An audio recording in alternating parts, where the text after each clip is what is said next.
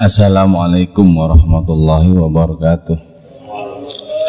Bismillahirrahmanirrahim. Hamdan wa thana'an Laka ya Allah Salatan wa salaman Laka ya Habibullah Wa ala alika wa sahabika ya khairul gila amma ba'du. Kita ngaji lagi Perjalanan cinta dari Syekh Maulana Jalaluddin Rumi. Moga-moga memantik pula kepada kita api cinta yang pernah dikobarkan oleh beliau sepanjang perjalanan hidup rohani beliau. Amin. Ya mujibas sailin.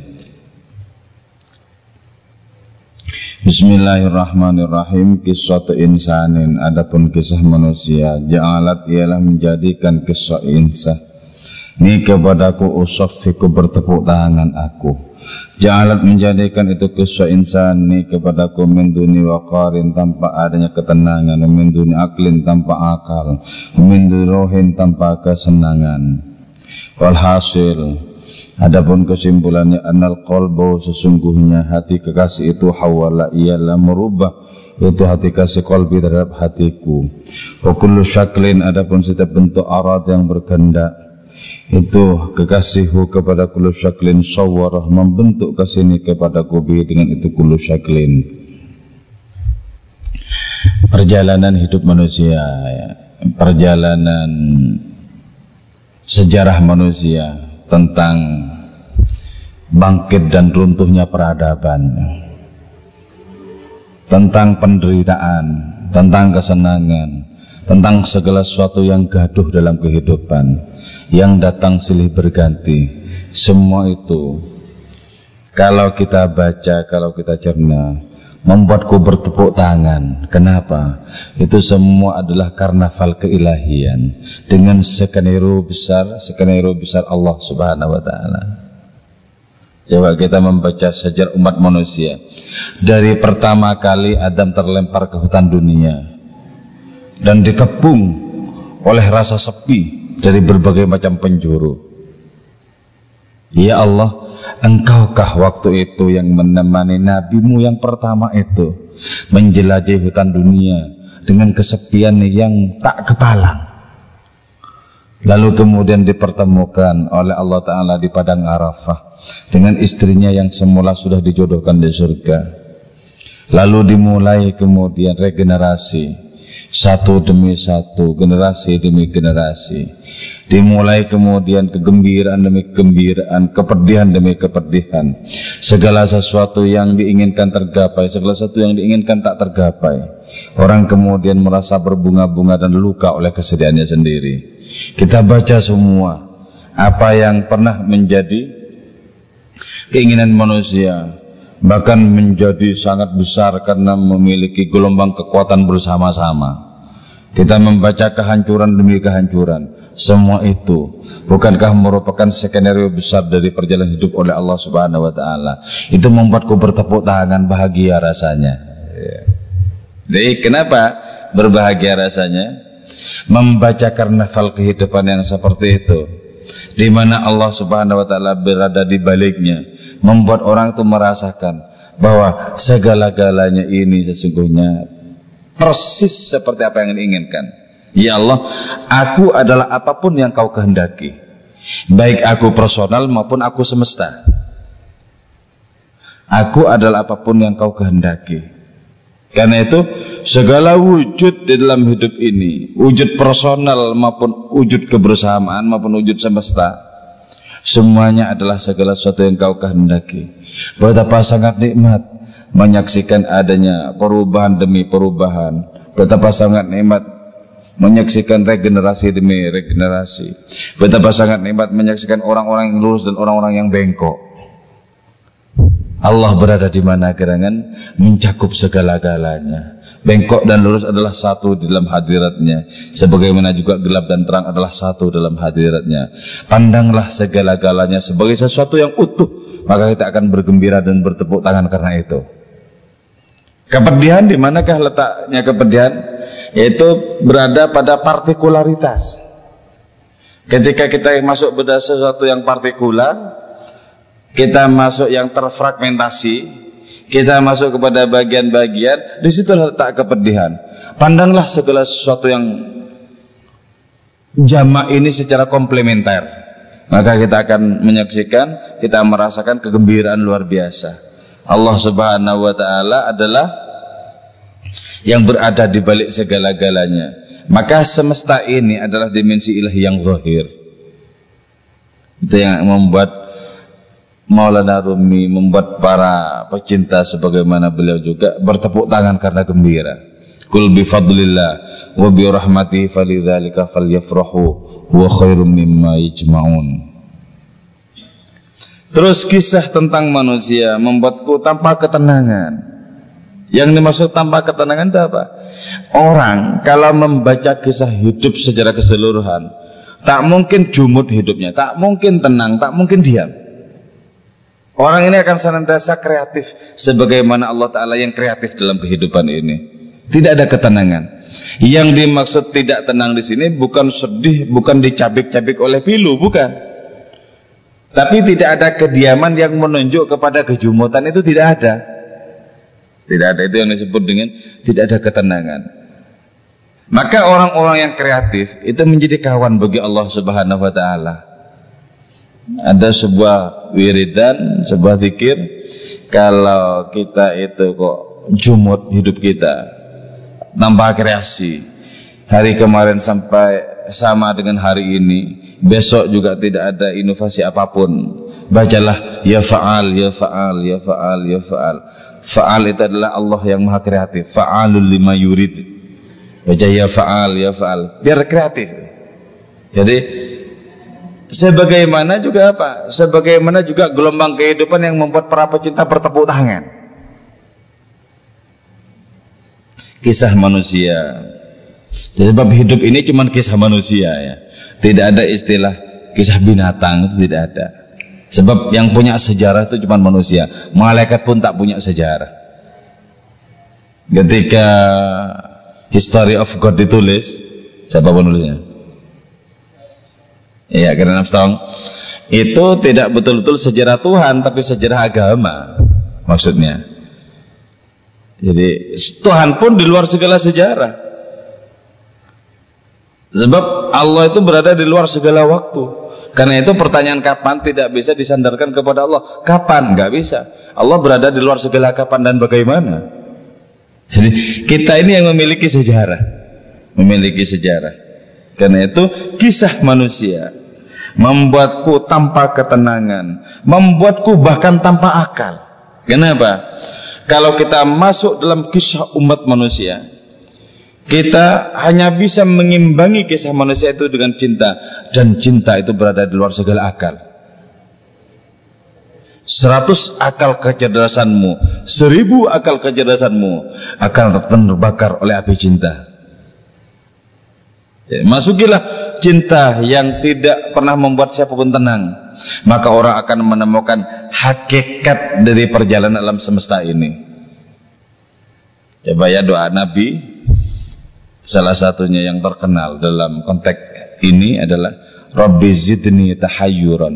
Ya Allah, tambahkanlah kepadaku rasa kebingungan itu, rasa keterheran-heranan itu.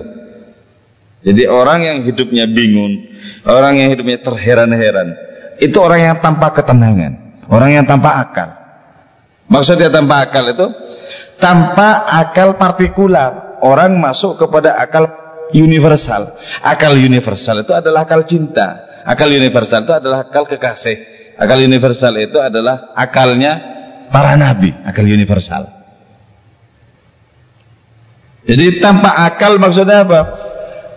Tanpa akal itu lebih terutama berada di dalam skenario Allah Subhanahu wa taala yang melampaui segala ketentuan, yang melampaui segala pakem. Jadi di dunia ini ada akal yang sifatnya pakem kalau gini gini itu ya.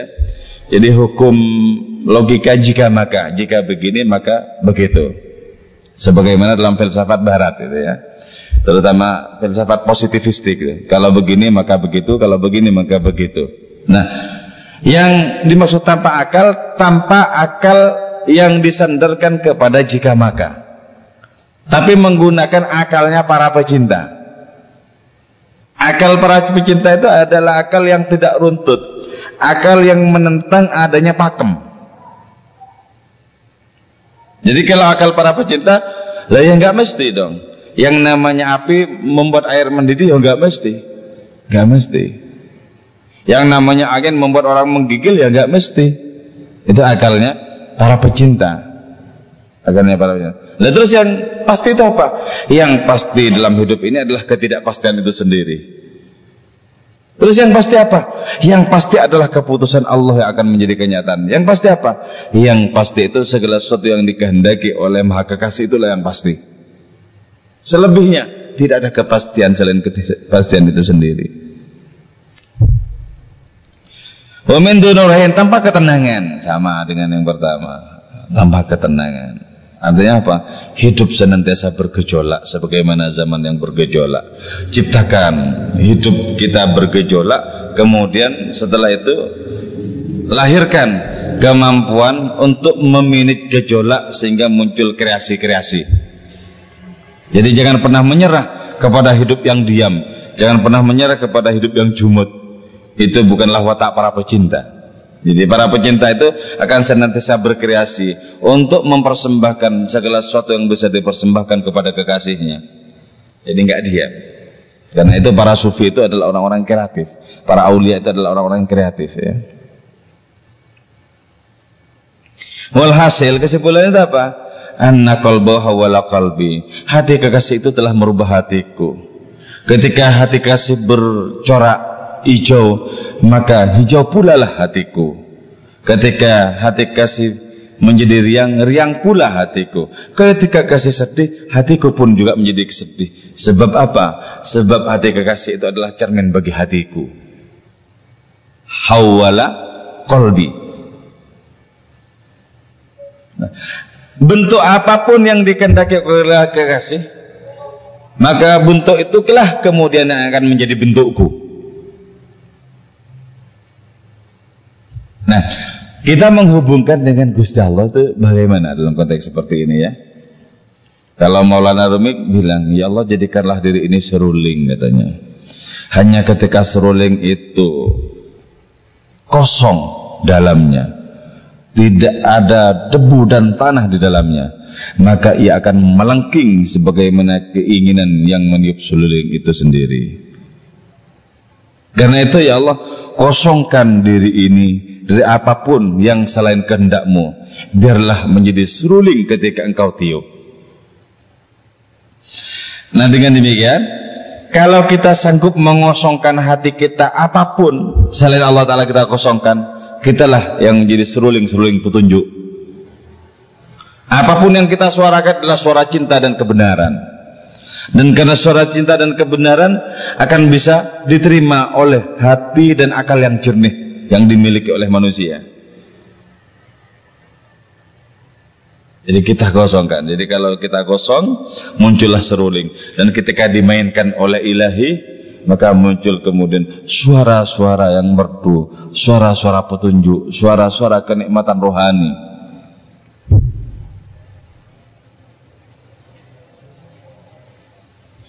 Coba, ayo kita dialog, silakan.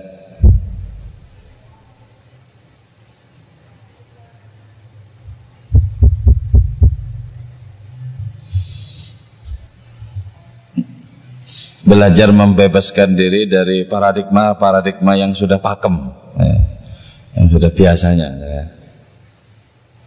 Masuk dalam sudut pandang yang tak biasanya, yang tak biasanya. Bisakah kita terapkan bahwa hidup kita ini senantiasa bertepuk tangan karena gembira? Kenapa? Menyaksikan parade demi parade kehidupan dari awal mula sampai sekarang.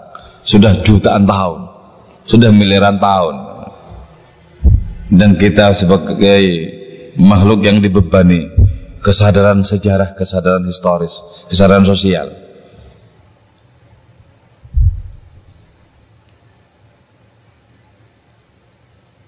Ada aku lu berkata aku man rafi'ur ruhi man siapakah rafi'ur ruhi yang mengangkat ruhku innahu dzalikal ladzi a'tani ruhan fil bad'i.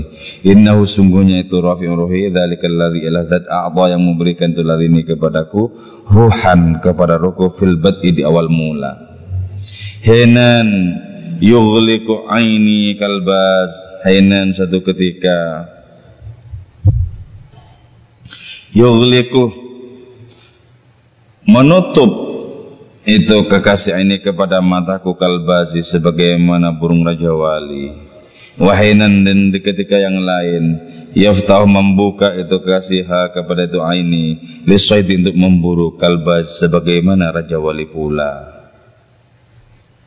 Ku katakan siapakah yang telah mengangkat ruhku? Nah, hal paling misteri dalam diri manusia itu adalah ruh ya hanya lewat satu jendela ini kita itu bisa berkenalan dengan Tuhan, dengan yang tak terhingga itu. Padahal ya kalau dalam filsafat logika itu bagaimana mungkin bisa bertemu? Bagaimana mungkin bisa ada konvergensi antara yang personality, antara yang terbatas dengan yang infinity yang tak terbatas? Coba. Apa bisa? Berjumpa secara logika yang terbatas dengan yang tak terbatas. Bisakah yang terbatas ini betul-betul sanggup memotret yang tak terbatas? Atau bisakah burung-burung mengukur angkasa? Atau bisakah ikan-ikan mengukur samudra aneh sebenarnya ya ketika ada makhluk-makhluk bercengkrama dengan Tuhannya. Ketika manusia bercengkrama dengan Allah. Bagaimana mungkin yang terbatas ini bisa menyapa yang tak terbatas? Bukankah segala bahasa yang tak terbatas juga tidak terbatas? Dan ketika tak terbatas bagaimana mungkin terjadi dialog? Bagaimana mungkin bisa dipahami?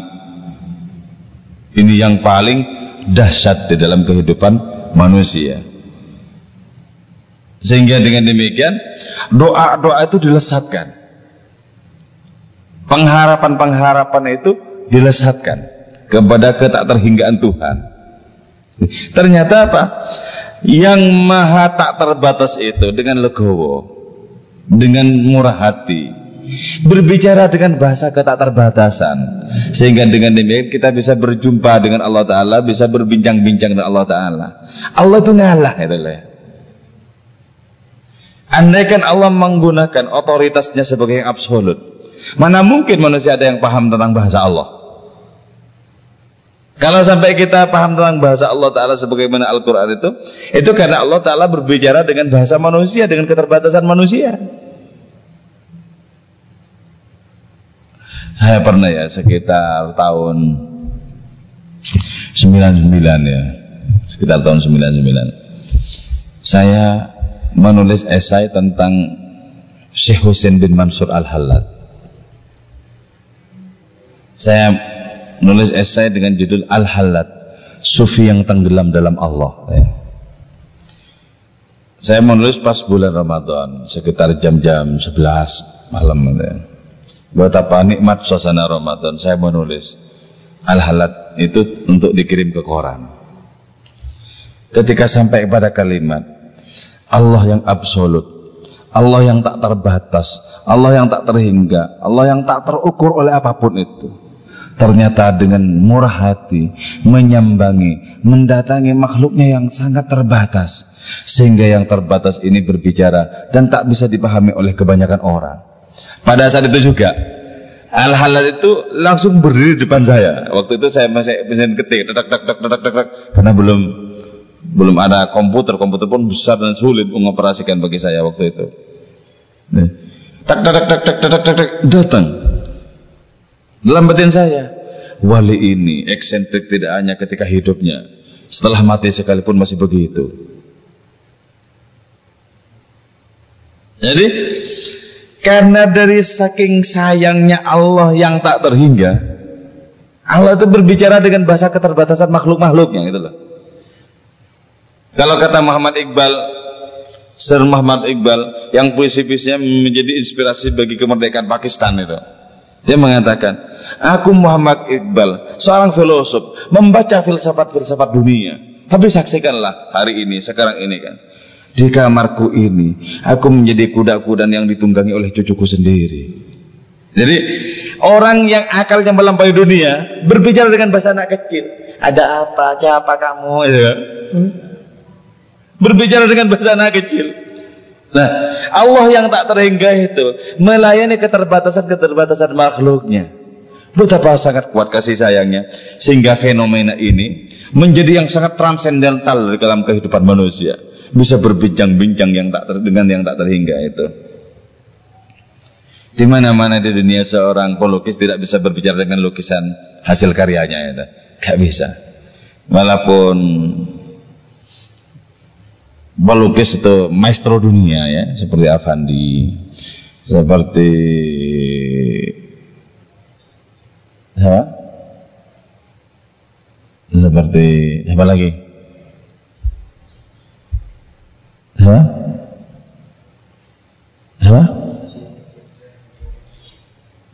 Yang Indonesia Raden Saleh ya. Basuki Abdullah ya, Jakarta. Saya terkagum-kagum lukisan Basuki Abdullah tentang seorang perempuan yang telanjang tapi tidak terkesan porno gitu ya. Nah, itu pun juga nggak bisa diajak berbicara oleh pelukisnya, nggak bisa diam saja lukisan itu walaupun ada mata dan telinganya. Kita ini lukisan-lukisan ilahi menakjubkan bukan? Lukisan-lukisan berbincang-bincang dengan pelukisnya. ini kita ini lukisan-lukisan Gusti Allah loh. Betapa menakjubkan bisa berbincang-bincang dengan pelukisnya. Bisa bertegur sapa setiap saat. Ya Allah, manik bertegur sapa setiap saat denganku.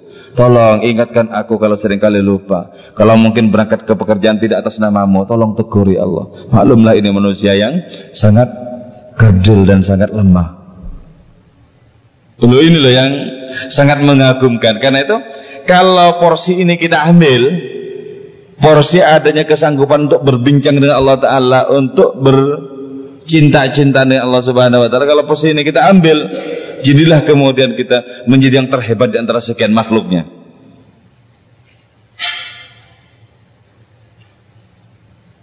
Siapa yang telah mengangkat ruhku ini siapa? Jadi satu-satunya piranti untuk sampai kepada tingkatan tertinggi derajat keilahian itu adalah ruh kita. Ruh inilah. Siapa itu yang telah mengangkat ruhku hingga aku terangkat karena ruhku diangkat? Siapa itu yang telah mengangkat ruhku? tak lain adalah dia yang telah memberikan ruh kepadaku di awal mula penciptaanku. Faidha sawaituhu Gimana sebuah ayat yang menyatakan Faqola ya Faidha sawaitu wa nafaktu fi mirrohi faqola sajidin Ketika aku sudah sempurnakan penciptaan Adam itu, kutipkan ruhku ke dalamnya, kalian malaikat bersujudlah. Ini. Ada parade sujud barisan malaikat. Untuk apa? Untuk menghormati ruh kita yang dititipkan oleh Allah Ta'ala ke dalam diri kita. Jadi kalau sampai dipakai porsi ini, top lah. Kita memandang semesta ini akan menemukan kekasih di balik segala bentuk yang ada. Akan menemukan Allah di balik segala di belakang, di balik segala bentuk yang ada. Suatu ketika katanya, kekasih itu, ilahi itu menutup mataku sebagaimana Raja Wali, tutup matanya. Tutup kepada apa? Tutup kepada apa pun yang selain hadiratnya. Beruntung orang kalau sudah menutup penglihatannya kepada selain Allah Ta'ala. Artinya apa? Sudah tidak gampang jatuh cinta lagi kepada makhluk-makhluk, kepada kesementaraan hidup ini. Enggak, enggak, enggak katanya ya. Tapi ketika dibukakan oleh Allah Ta'ala jamaliyahnya, dibukakan oleh Allah Ta'ala keindahannya, maka menjadi nyalang hatinya, jatuh cinta berkali-kali kepada hadiratnya. Jadi suatu ketika Kekasih itu menutup mataku, mengunci mataku, sebagaimana juga Raja Wali. Di saat yang lain, kekasih itu membuka mataku untuk berburu. Berburu. Berburu itu apa? Menciptakan nilai-nilai dalam kehidupan. Berburu. Menciptakan nilai-nilai dalam kehidupan. Karena itu kalau beruntung orang itu tidak saja mengikuti kebenaran tapi menciptakan kebenaran. Kalau mengikuti benaran berarti mengikuti pakem yang sudah ada, ketentuan yang sudah ada. Kalau menciptakan kebenaran itu berarti membuat kreasi yang nilainya adalah kebenaran ilahi. Itu lebih terpuji ketimbang mengikuti kebenaran. Itu menciptakan kebenaran itu sendiri.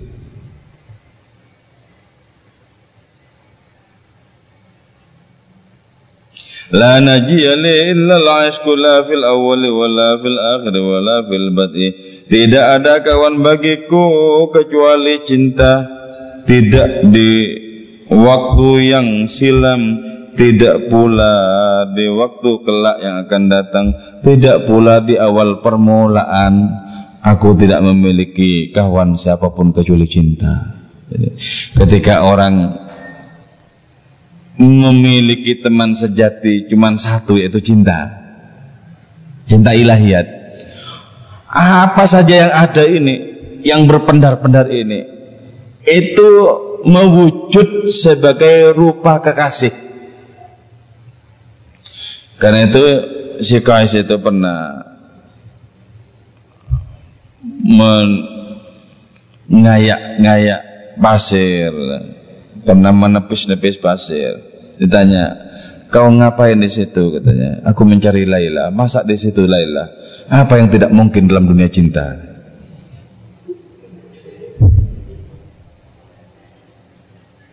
Cinta itu membuat segalanya mungkin.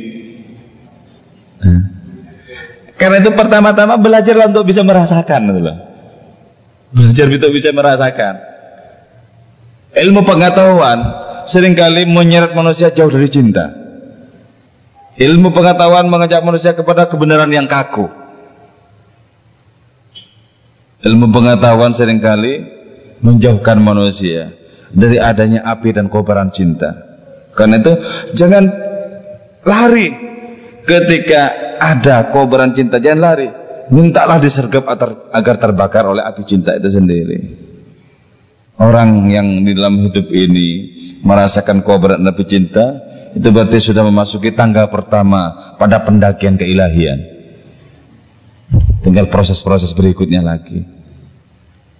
Orang yang masuk dalam dunia cinta akan dibebaskan dari jelimetnya penghitungan dan perhitungan.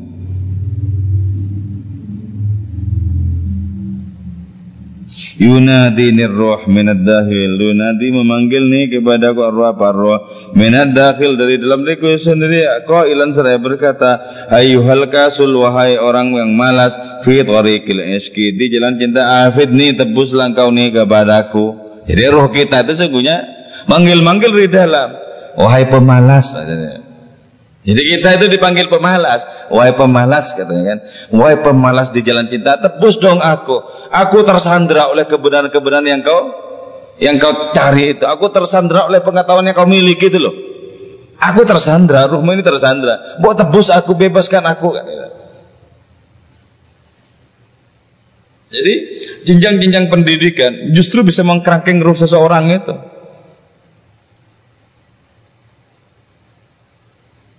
Coba ya nggak usah jauh-jauh baca bukunya Rom Topati Masang ya bahwa sekolah itu candu. Kalau ini ingin ini ingin ini ini padahal itu memiliki jenis kerangkanya sendiri. Nah, roh menjerit di dalam, "Mbak aku ditebus," katanya. "Sampai kapan? Ilmu yang kau miliki justru semakin menyandra aku, semakin mengkerangkeng aku. Tebus dong aku. Bebaskan dong aku." Hanya ketika roh kita bebaskan, dan melangkah di jalan cinta, kalau kita akan kita ini akan sampai kepada hakikat kemerdekaan. Kalau kalau para pecinta itu kan nggak mungkin malas ya. Sebab para pecinta itu takdirkan untuk kurang tidur. Malam-malam malah semakin kambuh cintanya. Malam bukan dikit-dikit tidur, dikit-dikit tidur. Nggak bakat jadi seorang pecinta kalau banyak tidur. Nggak bakat. Jadi hati senantiasa membara, mengenang kekasih. Hanya satu tebusan bagi seorang pecinta. Itu perjumpaan yang tidak ada habisnya dengan kekasih. Itulah yang menjadi tebusan satu-satunya. Karena itu para pecinta dunia ini ditadbirkan untuk gelisah. Ketika menemukan makhluk-makhluk yang dicintai, dia akan mengatakan, bukan ini sesungguhnya, bukan ini sesungguhnya. Ini hanyalah perantara belaka. Bagaimana mungkin hatiku terpuaskan? Oh, kalau sampai sholat rohnya seperti itu, roh cintanya. Oh, nanar hati bertatap muka dengan ilahi dengan yang tak terhingga itu. Jadi pastikan kita katakan kepada diri kita ayuhal kasul wahai pemalas fi iski di jalan cinta afid nih tebus dong aku. Roh kita menjerit tapi jarang kita menekan jeritan roh kita sendiri. Roh kita menjerit. Roh kita mengatakan dulu di alam lahut katanya kita ini bertetangga dengan para nabi dan wali, sama-sama sucinya dengan para nabi dan wali. Tapi di dunia yang penuh ujian seperti ini, kenapa mereka bisa memasuki cakrawala pembebasan dan kau terkerangkeng oleh segala sesuatu yang ada dalam fana ini? Tebus dong aku. Jadi kita yang harus bertanggung jawab ya. Kalau roh kita sampai hari ini tidak nomor satu dalam diri kita, kalau roh kita belum mengantarkan kita kepada posisi berhadapan-hadapan dengan Allah Ta'ala wajib kita tebus roh ini. Dengan apa kita tebus roh ini? Dengan membebaskan diri diri tertarik kepada apa pun yang selain Allah Ta'ala. Tebus. Kalau nggak ditebus berarti kita tega. Menjadikan roh kita itu senantiasa tidak pernah mengalami kemerdekaan. Tidak mengalami pembebasan. Jadi kalau dalam hidup ini orientasi kita masih belum Allah, kenikmatan-kenikmatan belum Allah, berarti masih tega kita mengkerangkeng roh-roh kita. Roh kita menjerit. Sayangnya kita tuli nggak mendengarkan jeritan-jeritan roh itu. Lalu itu bilang tebus dong, tebus, tebus. Hanya orang-orang yang memiliki perhatian kepada dunia cinta akan mendengarkan jeritan roh untuk ditebus itu. Ayuhal kasul fitrokil iski afidni. Ini satu, dua, tiga, sudah tiga bait. Baik, silakan. Ayuhal kasul silakan bertanya. Ayo.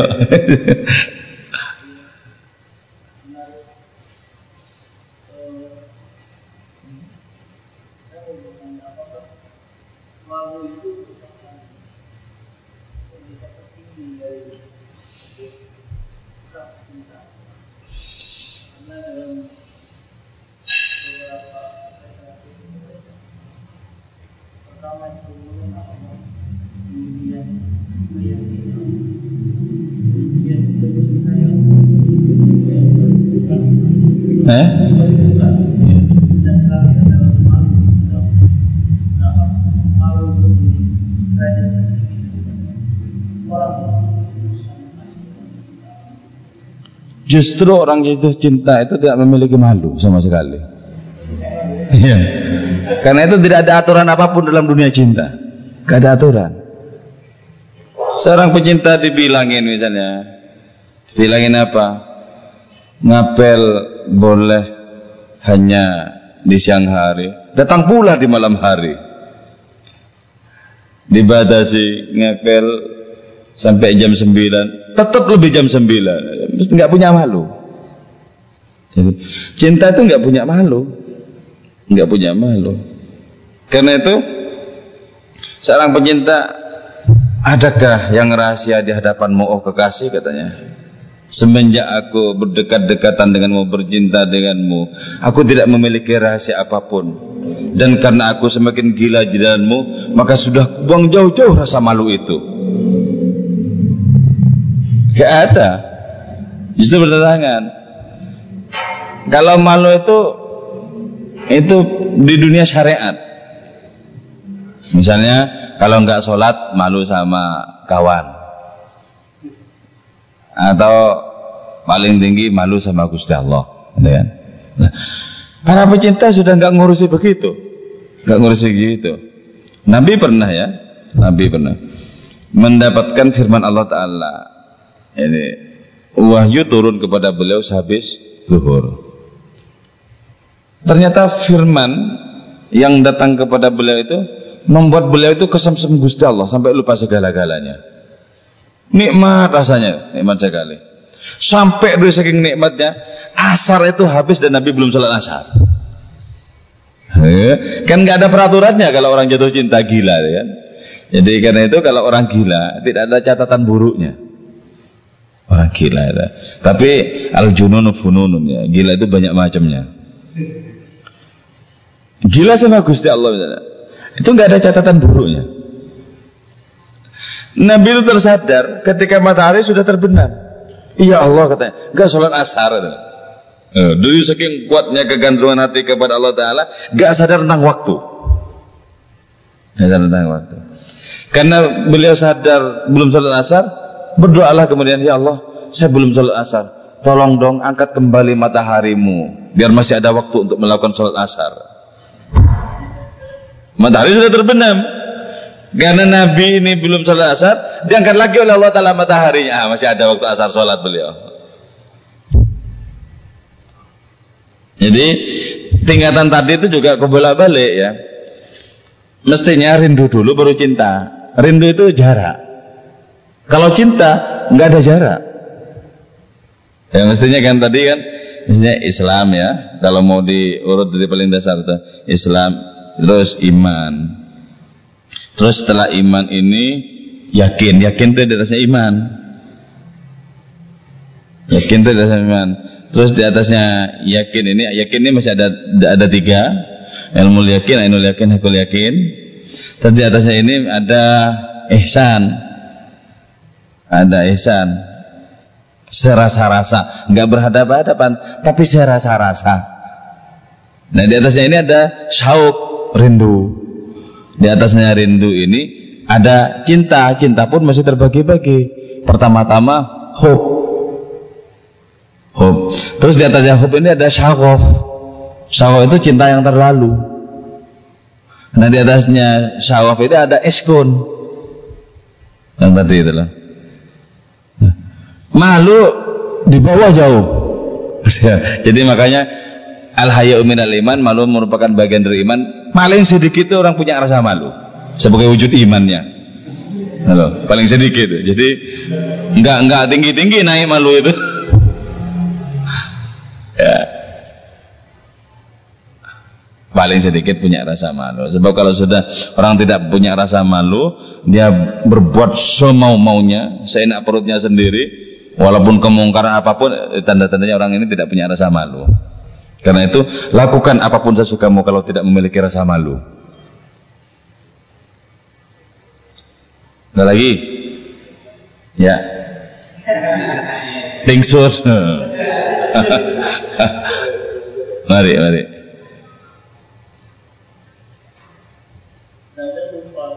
ruh-ruh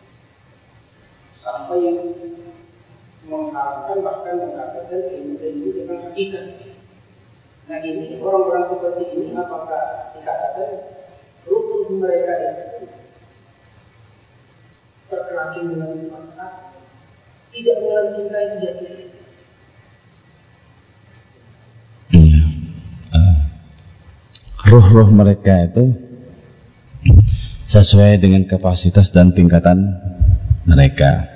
Walaupun mereka mengatakan misalnya ngafir atau sesat semacamnya, itu kalau memang kapasitasnya seperti itu, itu dapat pahala mereka menjustis seperti itu. Kalau Al-Halal itu bilang begini. Syekh Husain bin Mansur Al-Halal. Ada dua kelompok ada dua kelompok orang tentang saya katanya. Ada orang yang meyakini saya ini waliullah. Terus ada yang meyakini saya ini seorang kafir zindik. Saya lebih suka dengan penilaian kedua yang menyatakan saya ini kafir. Kenapa? Kalau yang pertama itu itu karena husnudzon kepada saya sehingga mengira saya itu sebagai wali. Tapi yang kedua yang mengatakan saya ini kafir itu karena mereka berpegang kepada akidah mereka dan mereka dapat pahala karena tuduhan seperti ini dapat pahala jadi pahala berpegang kepada akidah lebih besar dibandingkan dengan pahala husnuzon jadi karena itu kita tidak boleh berburuk sangka kalau mereka mengatakan ini kafir lain semacamnya mungkin kapasitasnya memang segitu dan bagi mereka itu berpegang kepada akidah mengungkapkan seperti itu. Boleh juga, nggak masalah. Jadi yang penting kita jangan risau, dicap apa pun jangan risau. Kenapa? Toh yang lebih tahu itu tentang siapa kita itu Allah Ta'ala. Ketika ada orang memberikan cap macam-macam kepada kita, maka percayakan diri kita penilaian yang benar itu kepada Allah Ta'ala. Kalau orang masih risau, karena dicap macam-macam oleh manusia, oleh orang lain, Berarti dia belum merasa cukup dengan penilaian Allah dan tidak merasa cukup dengan penilaian Allah itu adalah musibah keimanan. Misalnya, saya memaksakan diri, oh, enggak saya orang benar kok. Memaksakan diri. Ketika orang lain ngecap gini gini, itu saya, memaksakan diri agar mereka bisa memberikan penilaian sebagaimana kata-kata saya, keterangan saya. Itu berarti tidak cukup yakin tentang benarnya penilaian Allah Ta'ala kepada diri saya ya,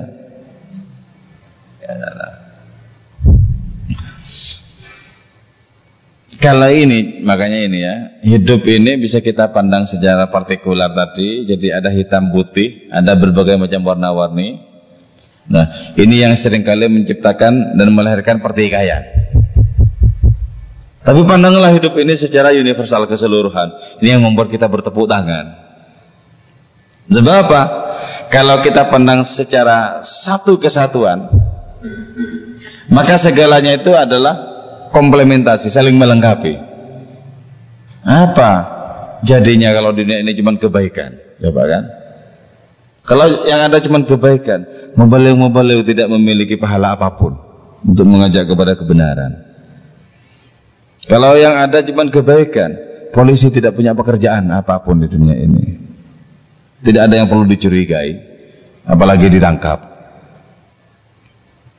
Kalau yang ada cuma kebaikan-kebaikan, apa perlunya pengadilan? Dan lain semacamnya. Ini penting. Ada berbagai macam warna kehidupan ini penting. Untuk apa? Untuk kita menyaksikan bahwa keanekaragaman itu kelak akan di backup diselesaikan oleh Allah Ta'ala yang maha tidak ada satupun tindakan yang tak terselesaikan jadi dengan adanya penglihatan kita kepada kehidupan yang utuh, kita menyaksikan kemahaan Allah Ta'ala. Kita kalau memandang secara universal mungkin mengatakan, apa sesungguhnya makna dari hukuman mati? Apa makna dari sebuah tali gantungan dan semacamnya? Itu sama pentingnya dengan adanya kenaikan pangkat-pangkat itu. Sama pentingnya dengan adanya posisi-posisi yang menjanjikan. Sama-sama pentingnya. Sehingga dengan demikian keutuhan dari sebuah kehidupan kita bisa menyaksikannya, bisa melihatnya, bisa merasakannya. Itu yang membuat ja'alat ini usafik, membuatku bisa bertepuk tangan. Jadi utuh kehidupan itu utuh. Nah dari sini kemudian kita bisa berguru. Berguru tidak saja kepada kebaikan, kepada keburukan pun juga bisa berguru.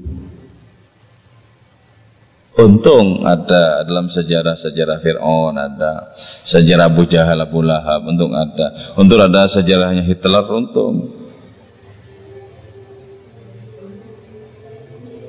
Untung ada sejarahnya Namrud dan Haman.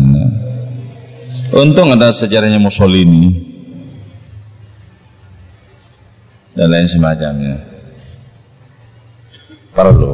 Untung ada dosa-dosa, sebagaimana juga ada pahala-pahala untung. Eh. Coba pemahaman seperti ini tidak lantas mesti menyeret kita kepada dosa-dosa dan pengingkaran, bukan. Artinya kita justru bisa mengaca tentang bagaimana kita ke depan dengan cara melihat berbagai macam pengingkaran dan dosa-dosa itu. Untung. Yang tadi ada penilaian, ada cap diberikan oleh siapa-siapa.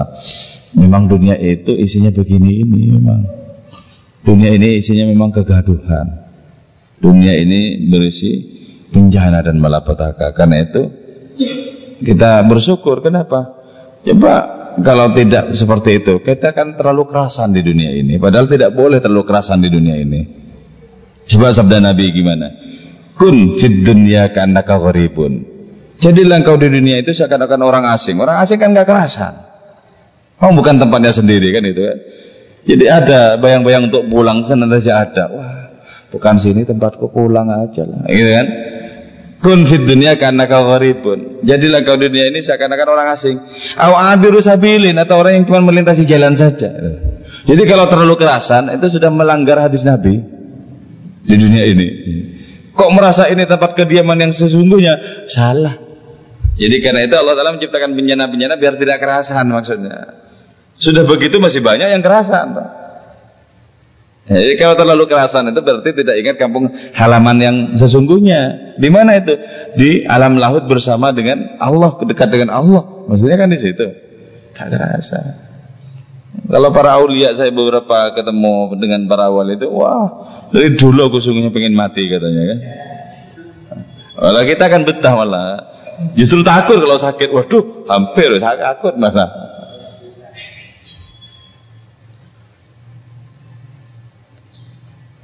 Karena itu Maulana Rumi ya sampai sekarang di nisannya itu masih ditulis puisi-puisi beliau ya. Ketika aku hembuskan nafasku yang terakhir, jangan ada di antara kalian yang menangisiku, sebab aku, aku sungguh bergembira, karena itu adalah momen-momen aku ingin berjumpa dengan kekasihku. Ketika orang-orang menggotong mayat di keranda, menggotong mayatku di keranda, jangan katakan selamat berpisah, Selamat berpisah apa? Justru aku akan berjumpa dengan kasihku yang kudah kuharapkan berpuluh-puluh tahun yang lalu. Jadi gitu. Jadi bukan bukan kepedihan, kesenangan, kegembiraan. Nah yang bersedih itu karena menganggap ini tempat kediaman yang sesungguhnya. Sedih itu. Nah, kalau memang sudah enggak kerasan, malah bersyukur. Oh enggak kerasan kok. Jadi hadis Nabi jelas tuh kun fid dunya ka'annaka gharibun aw abiru sabilin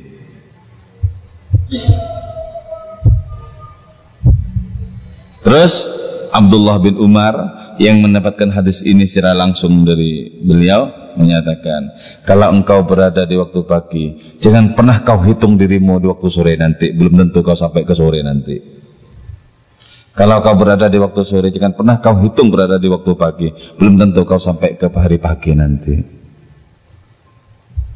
Jadi makanya nggak boleh panjang angan-angan itu nggak boleh.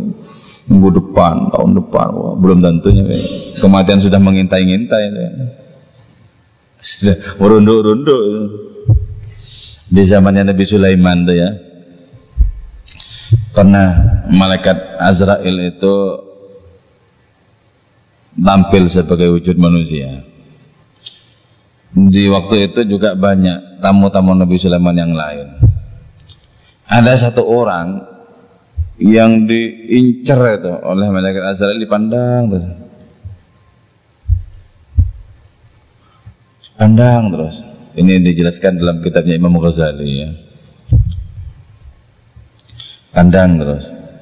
Setelah itu pamitan ini malaikat Azrail dalam wujud manusia itu ketika malaikat Azrail ini telah pamitan orang yang diincar tadi itu tanya kepada Nabi Sulaiman siapa orang itu tadi kok dari pandangannya saya merasa takut kok dari tadi seperti ngincar saya oh itu malaikat Azrail aduh mungkin takut ya takut saya minta tolong Nabi Sulaiman tak tolong minta tolong apa tolong dong angin dipanggilkan biar saya ditiup ke ujung India paling jauh sana.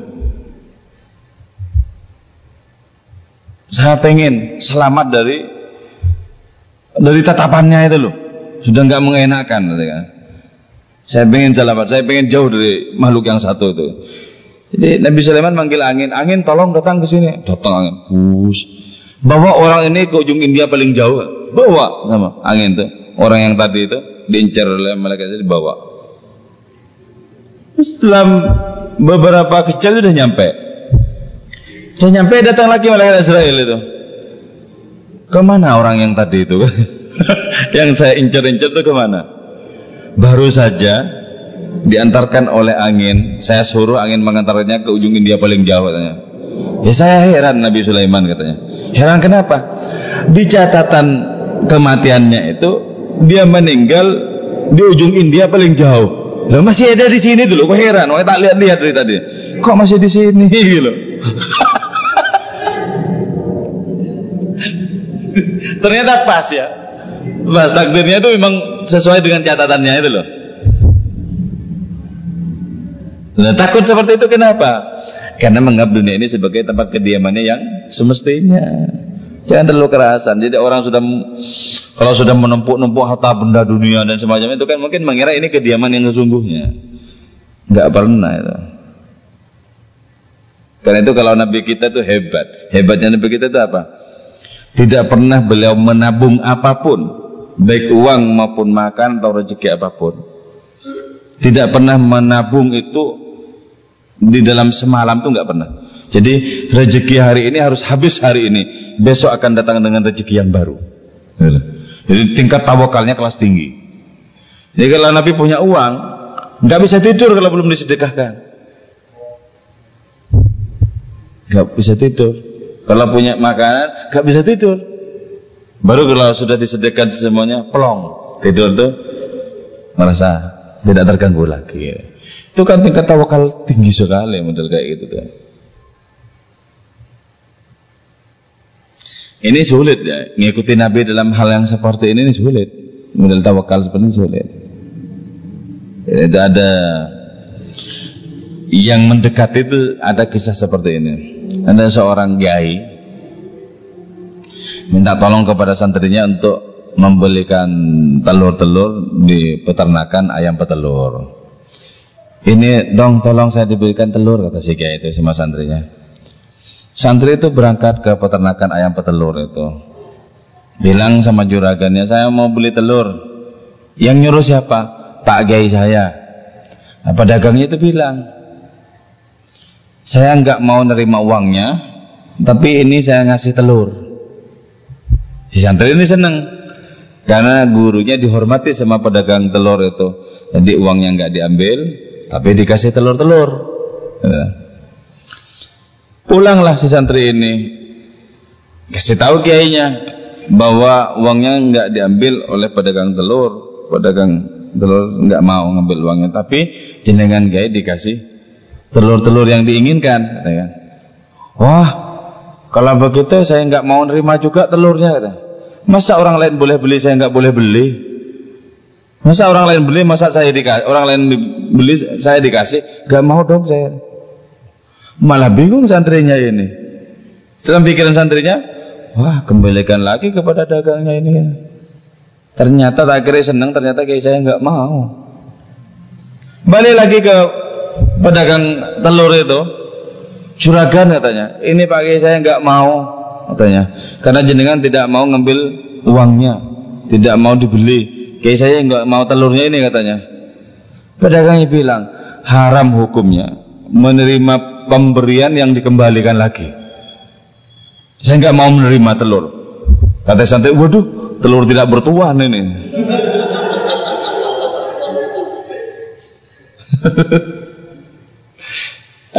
Karena bingung santri ini. Nah ketika bingung itu lihat seorang nenek, simbah-simbah sudah tua itu. Simbah katanya. Jenengan mau ndak ini ada telur? Mohon maaf nak, saya bukan nggak mau, saya udah kenyang katanya. Dan haram hukumnya menerima makanan bagi orang yang sudah kenyang. Nah terus si santri ini bilang, ini bukan untuk dimakan sekarang mbah, tapi besok dan lusa. Haram nak hukumnya. Seseorang itu tidak punya keyakinan bahwa besok akan datang dengan rezekinya sendiri. Makin bingung santri ini. Waduh, ini zaman seperti apa orang nggak bisa menerima Akhirnya santri itu pulang dengan perasaan bingung, bawa telur-telur tak bertuan itu. Pulang itu sudah agak malam, di tempat ronde ada orang-orang main kartu. Muncul ide dalam diri santri itu, ini mungkin perlu direbus. Direbus sebentar, telah matang, bawa ke tempat ronda orang-orang main kartu itu. Dalam hitungan menit sudah lenyap telur-telur itu. Berpikir kemudian santri, ternyata untuk bisa diterima memerlukan orang yang betul-betul bisa menerima dan diperlukan cara pula yaitu direbus dulu jadi nah, yang menjadi perhatian pokok dalam kisah ini apa? Nah, satu kehormatan si kiai itu ya. Kan biasanya malah seneng kalau dikasih toh. Ini enggak. Enggak. Saya enggak mau menerima telur karena uang saya juga tidak terima. Masa orang lain membeli saya tidak boleh membeli. Terus kehormatan si pedagang itu juga kita apresiasi, kita hargai itu. Haram hukumnya memberikan sesuatu kemudian sesuatu itu dikembalikan lagi dan diterima, nggak boleh. Terus ini, ini ini yang paling hebat saya kira loh ya. Haram hukumnya menerima makan bagi orang yang sudah kenyang. Untuk besok nih, haram hukumnya kalau saya tidak memiliki percayaan bahwa besok akan datang dengan rezeki itu sendiri. Hebat dah. Nah ini mendekati halak Nabi sini nenek-nenek itu mendekati ahlak Nabi, mendekati tingkat ketawakalan Nabi kita. Ya. Dalam kitab Asy-Syama'il Al-Muhammadiyah ya, Syekh Hakim At-Tirmidzi yang menghimpun hadis-hadis tentang perilaku Nabi. Beliau menyatakan, maka nah Rasulullah wasallam iddakhara Nabi tak tak pernah menabung apa pun untuk hari besok. Karena itu kalau kita ngikuti tasawuf itu ya, menabung itu haram hukumnya. Enggak perkara di bank, nabung di mana saja di bawah kasur atau di dompet atau di apa. Ini kalau ikat ikut tasawuf yang tingkat ketat itu loh. Kenapa? Kan berarti nggak percaya besok akan ada hari dan rezekinya sekaligus kan itu. Oh, kalau ngikuti kayak gini, wow. Karena itu siapa yang bilang, mari kita mengikuti Islam kafah, siapa yang bisa kafah? Enggak mungkin ada yang bisa kafah. Kecuali di seminar-seminar dan itu cuma rembukan tok. Teman teorinya tok, nggak ada kenyataannya. Eh, tapi kalau kita merasakannya dengan logika cinta, bisa, tidak ada yang tidak mungkin. Kalau Allah Ta'ala itu masih gap kok.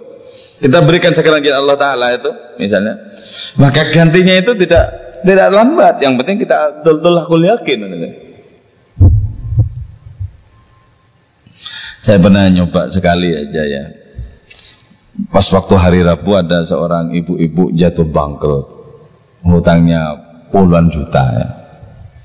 Puluhan juta. Sementara rumah yang diiklankan nggak kunjung laku. Bolak balik diiklan nggak kunjung laku. Dia datang ke tempat saya bilang mau memulangkan pembantu tidak punya ongkos. Tidak punya uang untuk membayar bulan terakhir dan ongkos untuk pulangnya pembantu itu. Sementara pembantu itu sudah nggak kepake lagi. Sebab di rumahnya itu dia cuman berdua dengan suaminya. Jadi tanpa pembantu pun jalan sesungguhnya rumah itu. Saya bilang, sampai butuh berapa bu? Butuh 800 ribu. Bagi saya 800 ribu itu besar karena saya tidak bekerja apa pun. Besar. Si ibu itu kemudian pulang dan saya tidak memberikan apa-apa. Tapi kemudian Istri bilang kayaknya ada loh kalau 800 ribu itu. Tapi ya pas-pasan lah. Kita nggak nggak usah berpikir besok dan lusa. Kayaknya ada. Oh iya ya. Saya kok tertantang. Ya saya tak kejar ibu itu. Saya kejar ibu itu. Bu ini dipakai. Nggak usah berpikir bagaimana mengembalikan sebab saya tidak akan ngutangkan ini. Saya ngasih. Oke. Okay. Eh, saya, saya belajar plong, sesungguhnya berat. 800 ribu berharga bagi saya ya. Apalagi saya punya anak banyak. Ya. Wah, berharga dalam berat sebenarnya. Cuman belajar nekat mendekati Nabi nggak mungkin bisa sama. Mendekati aja masih jauh. Nah, terus itu hari Rabu. Terus hari Jumat saya itu dapat tugas untuk ngisi khutbah di masjid desa. Masjid desa. Saya mau lah karena saya bisa menikmati alhamdulillah bisa menikmati ngisi khutbah itu dengan usaha hati seikhlas mungkin. Semoga ada barokahnya dan petunjuk bagi orang yang mendengarkan. Saya rasa mungkin tidak mengharapkan apa pun. Dunia nggak mengharapkan akhirat nggak mengharapkan. Bagaimana ini sebagai sarana untuk bercengkrama dengan Allah Taala? Terus selesai khutbah selesai salat Jumat itu pulang alhamdulillah senang perasaan saya. Ada seorang Anak muda itu ganteng banget. Saya tidak pernah melihat sosok itu sebelumnya. Tapi kemudian di dekat pintu dia menghentikan saya. Pak, sebentar Pak. Iya, gitu kan. Dia bilang, tolong ini diterima, jangan ditolak. Saya cuma bilang iya, walaupun nggak tahu isinya itu apa. Iya, gitu kan. Dari hamba Allah katanya. Iya, gitu kan. Cuma ya ya tok. Ya ya tok. Nah, Terus setelah itu saya pulang. Saya lihat itu. Ternyata uang satu juta. Yang jelas itu bukan takbir masjid. Dan di situ nggak pernah dikasih apa pun sebenarnya. Enggak Iya. Iya Allah. Engkau betul-betul begitu sigap. Jadi kalau kita berniaga dengan Gusti Allah itu tidak mungkin rugi. Enggak mungkin rugi. Cuman jangan diniatkan untuk berniaga. Nah, itu juga malah salah diniatkan berniaga. Tak pancing-pancing, ayo tak sedekah segini. Um, salah. Yang ikhlas karena Allah Taala itu terserah Gusti Allah itulah. Itulah.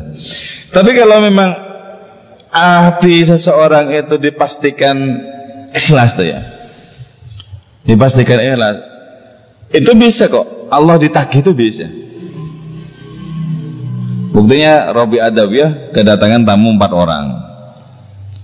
Sementara beliau itu cuma memiliki roti dua, jadi tidak cukup satu-satu.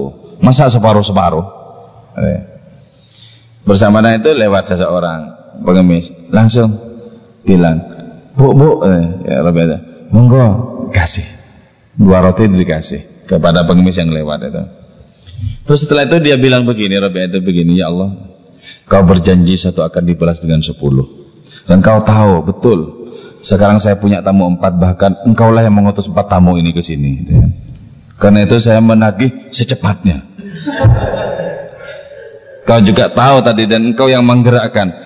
Saya menyedekahkan, memberikan roti itu dua. Kau tahu sendiri karena kau yang berfirman satu akan dibalas dengan sepuluh. Saya mohon secepatnya. Jadi jadi model ditagih loh. Tapi asalkan ininya bagus loh tetap ya.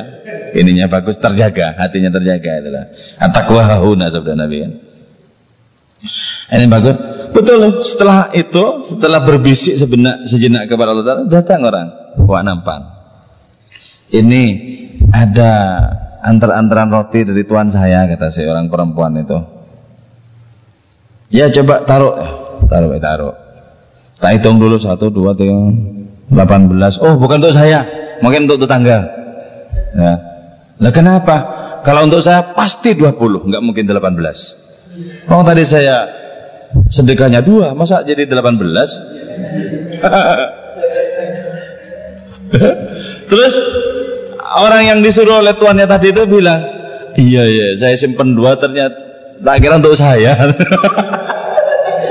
Nah kalau kayak itu ya nggak apa-apa jelas untuk kamu ngomong dari tadi. Kalau 20 mau ngomong, ya wes yang dua ambil kamu aja.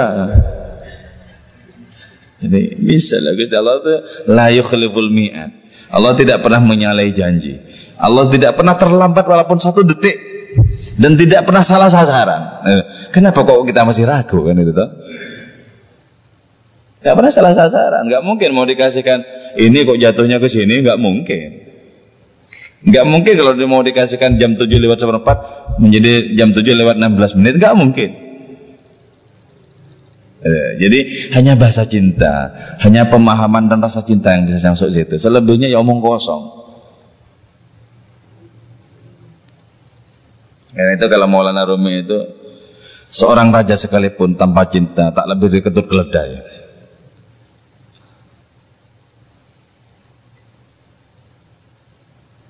Oke, ada lagi? Yang ini yang belum ya?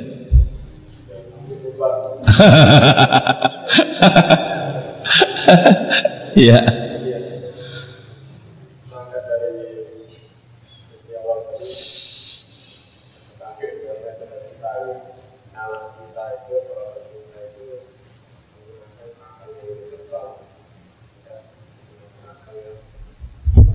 Yeah.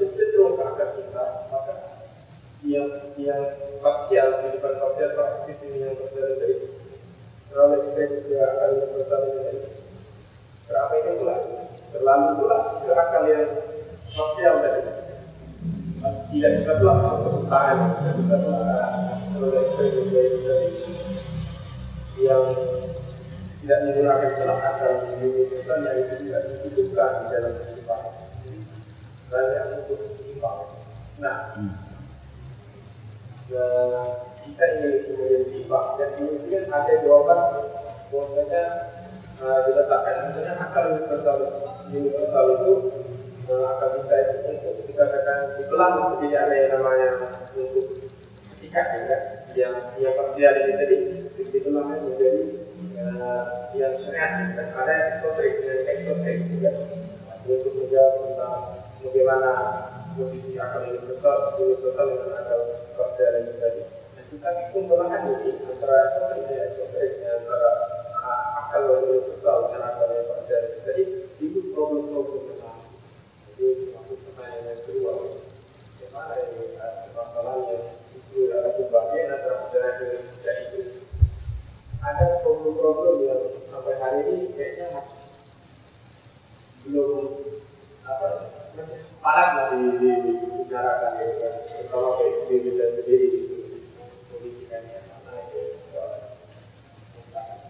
Iya, iya. Selama ini hanya merupakan diskursus ya, itu problem. Tapi kalau orang sudah mengalami, no problem. Jadi selama ini wacana problem. Makanya kalau di semester-semester awal tuh ya, di filsafat ya, ada ungkapan berpikir universal bertindak lokal. Ya.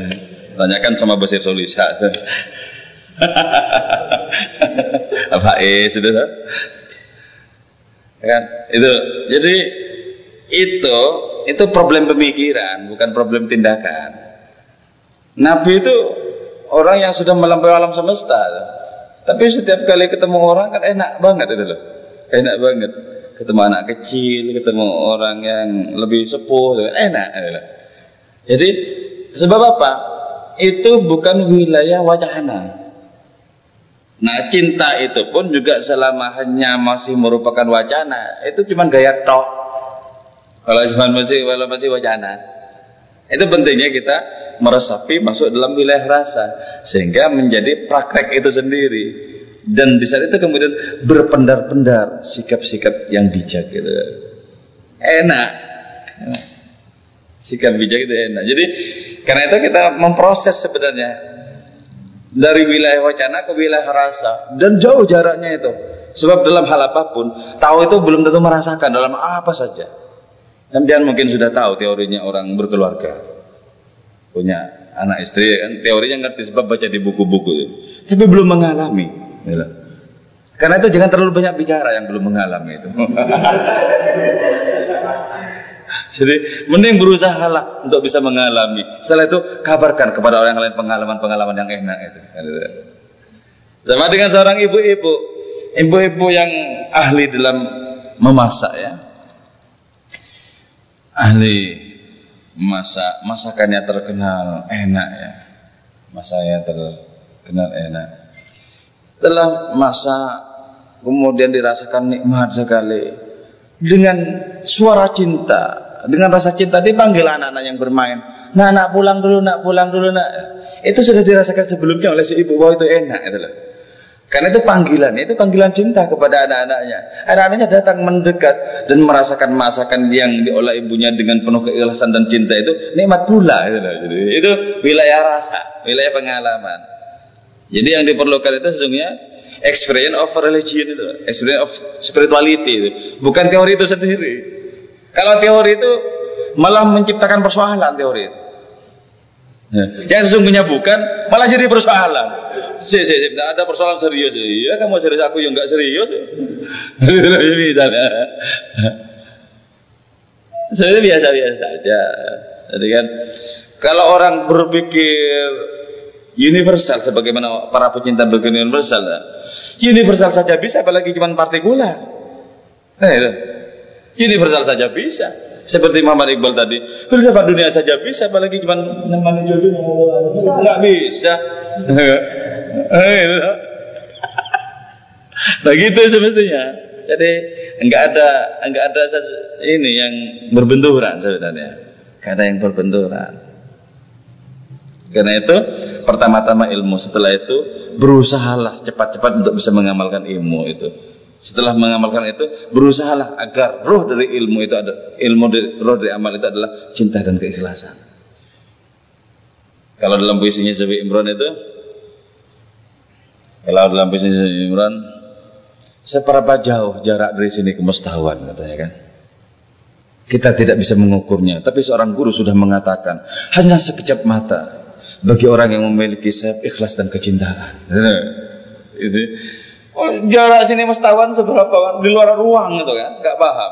Ini kalau kita diskusikan dengan teori, jenuh ini, sebab nggak ada pangkal ujungnya, titik temunya di mana. Kita mendiskusikan sesuatu yang tidak tahu kan itu. Kan?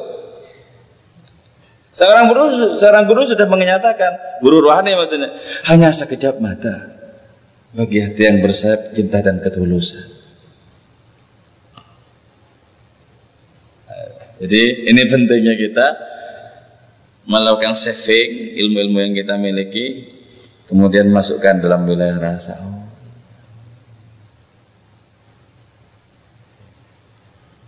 Rasakan bahwa roh kita menjerit-jerit mengatakan Afid nih, Afid nih, tebus aku dong, bebaskan aku dong.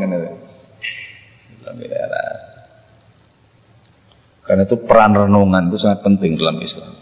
Sebab renungan itu mengantarkan kepada rasa.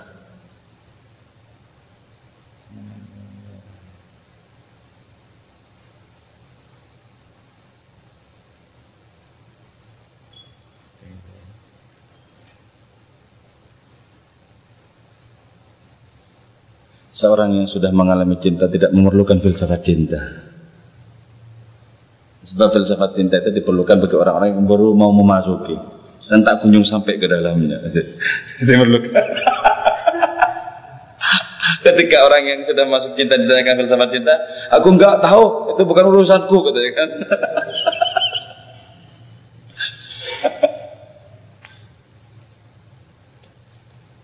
Oke, okay, ada? Iya, ayo, sip.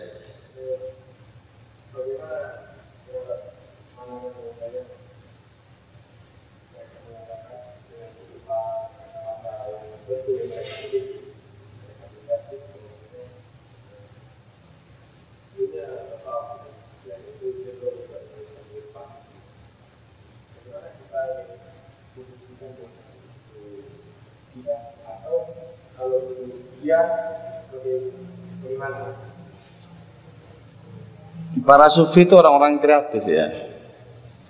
Termasuk Islam yang menyebar di Indonesia itu itu dalangnya para sufi lah ya.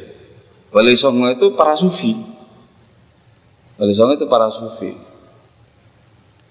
Terus Hamzah Fansuri yang menjadi penyair terbesar Asia Tenggara abad ke-16.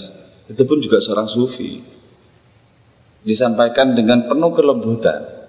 Jadi Islam masuk di Indonesia ini bukan dengan pedang dan peperangan. Bukan dengan pedang dan peperangan. Juga bukan dengan justice hukum ini haram ini tidak boleh bukan. Jadi karena itu kreatif. Para sufi itu orang-orang yang kreatif sebenarnya. Orang yang kreatif Walaupun kreativitas itu nanti ada dua. Ada kreativitas itu dalam bentuk empirik ya. Empirik mungkin bikin apa, bikin apa, bikin apa, bikin apa semacamnya. Ada kreativitas itu dalam bentuk makna.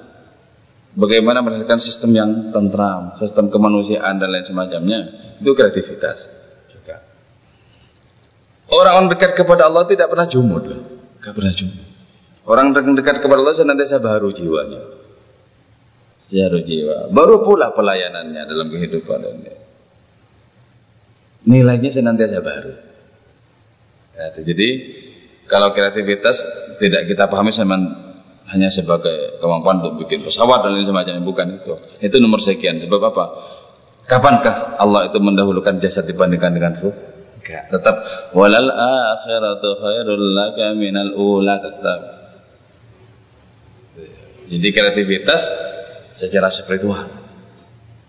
Itu bagaimana menciptakan sistem lingkungan dan semacamnya.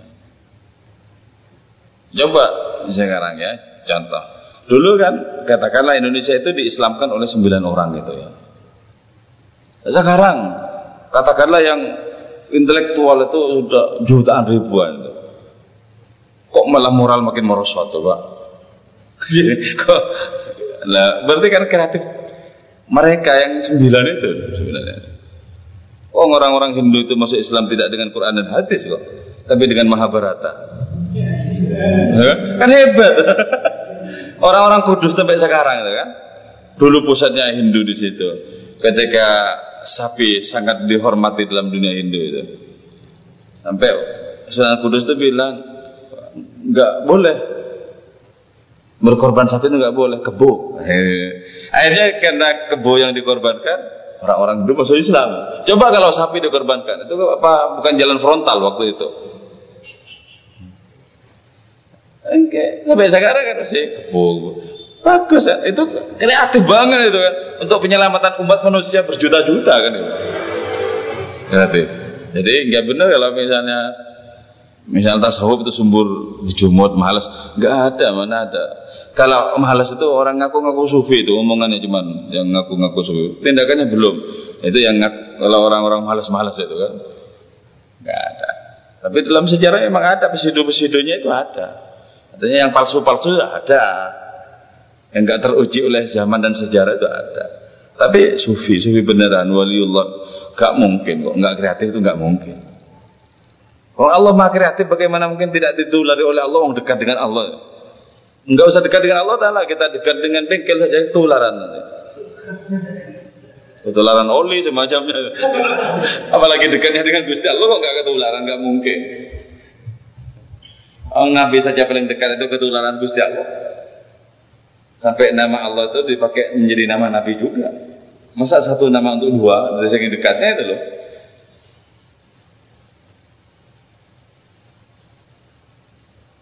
Ya, gitu. Moga-moga Gusti Allah Ta'ala membimbing kita kepada jalan cinta terhadap hadiratnya dan kita senantiasa siaga untuk hanya jatuh cinta kepada Allah Subhanahu wa taala. Yang lain-lain ini hanyalah merupakan sarana. Amin ya mujib syailin. Al-Fatihah. A'udzubillahi minasyaitonir rajim. Bismillahirrahmanirrahim.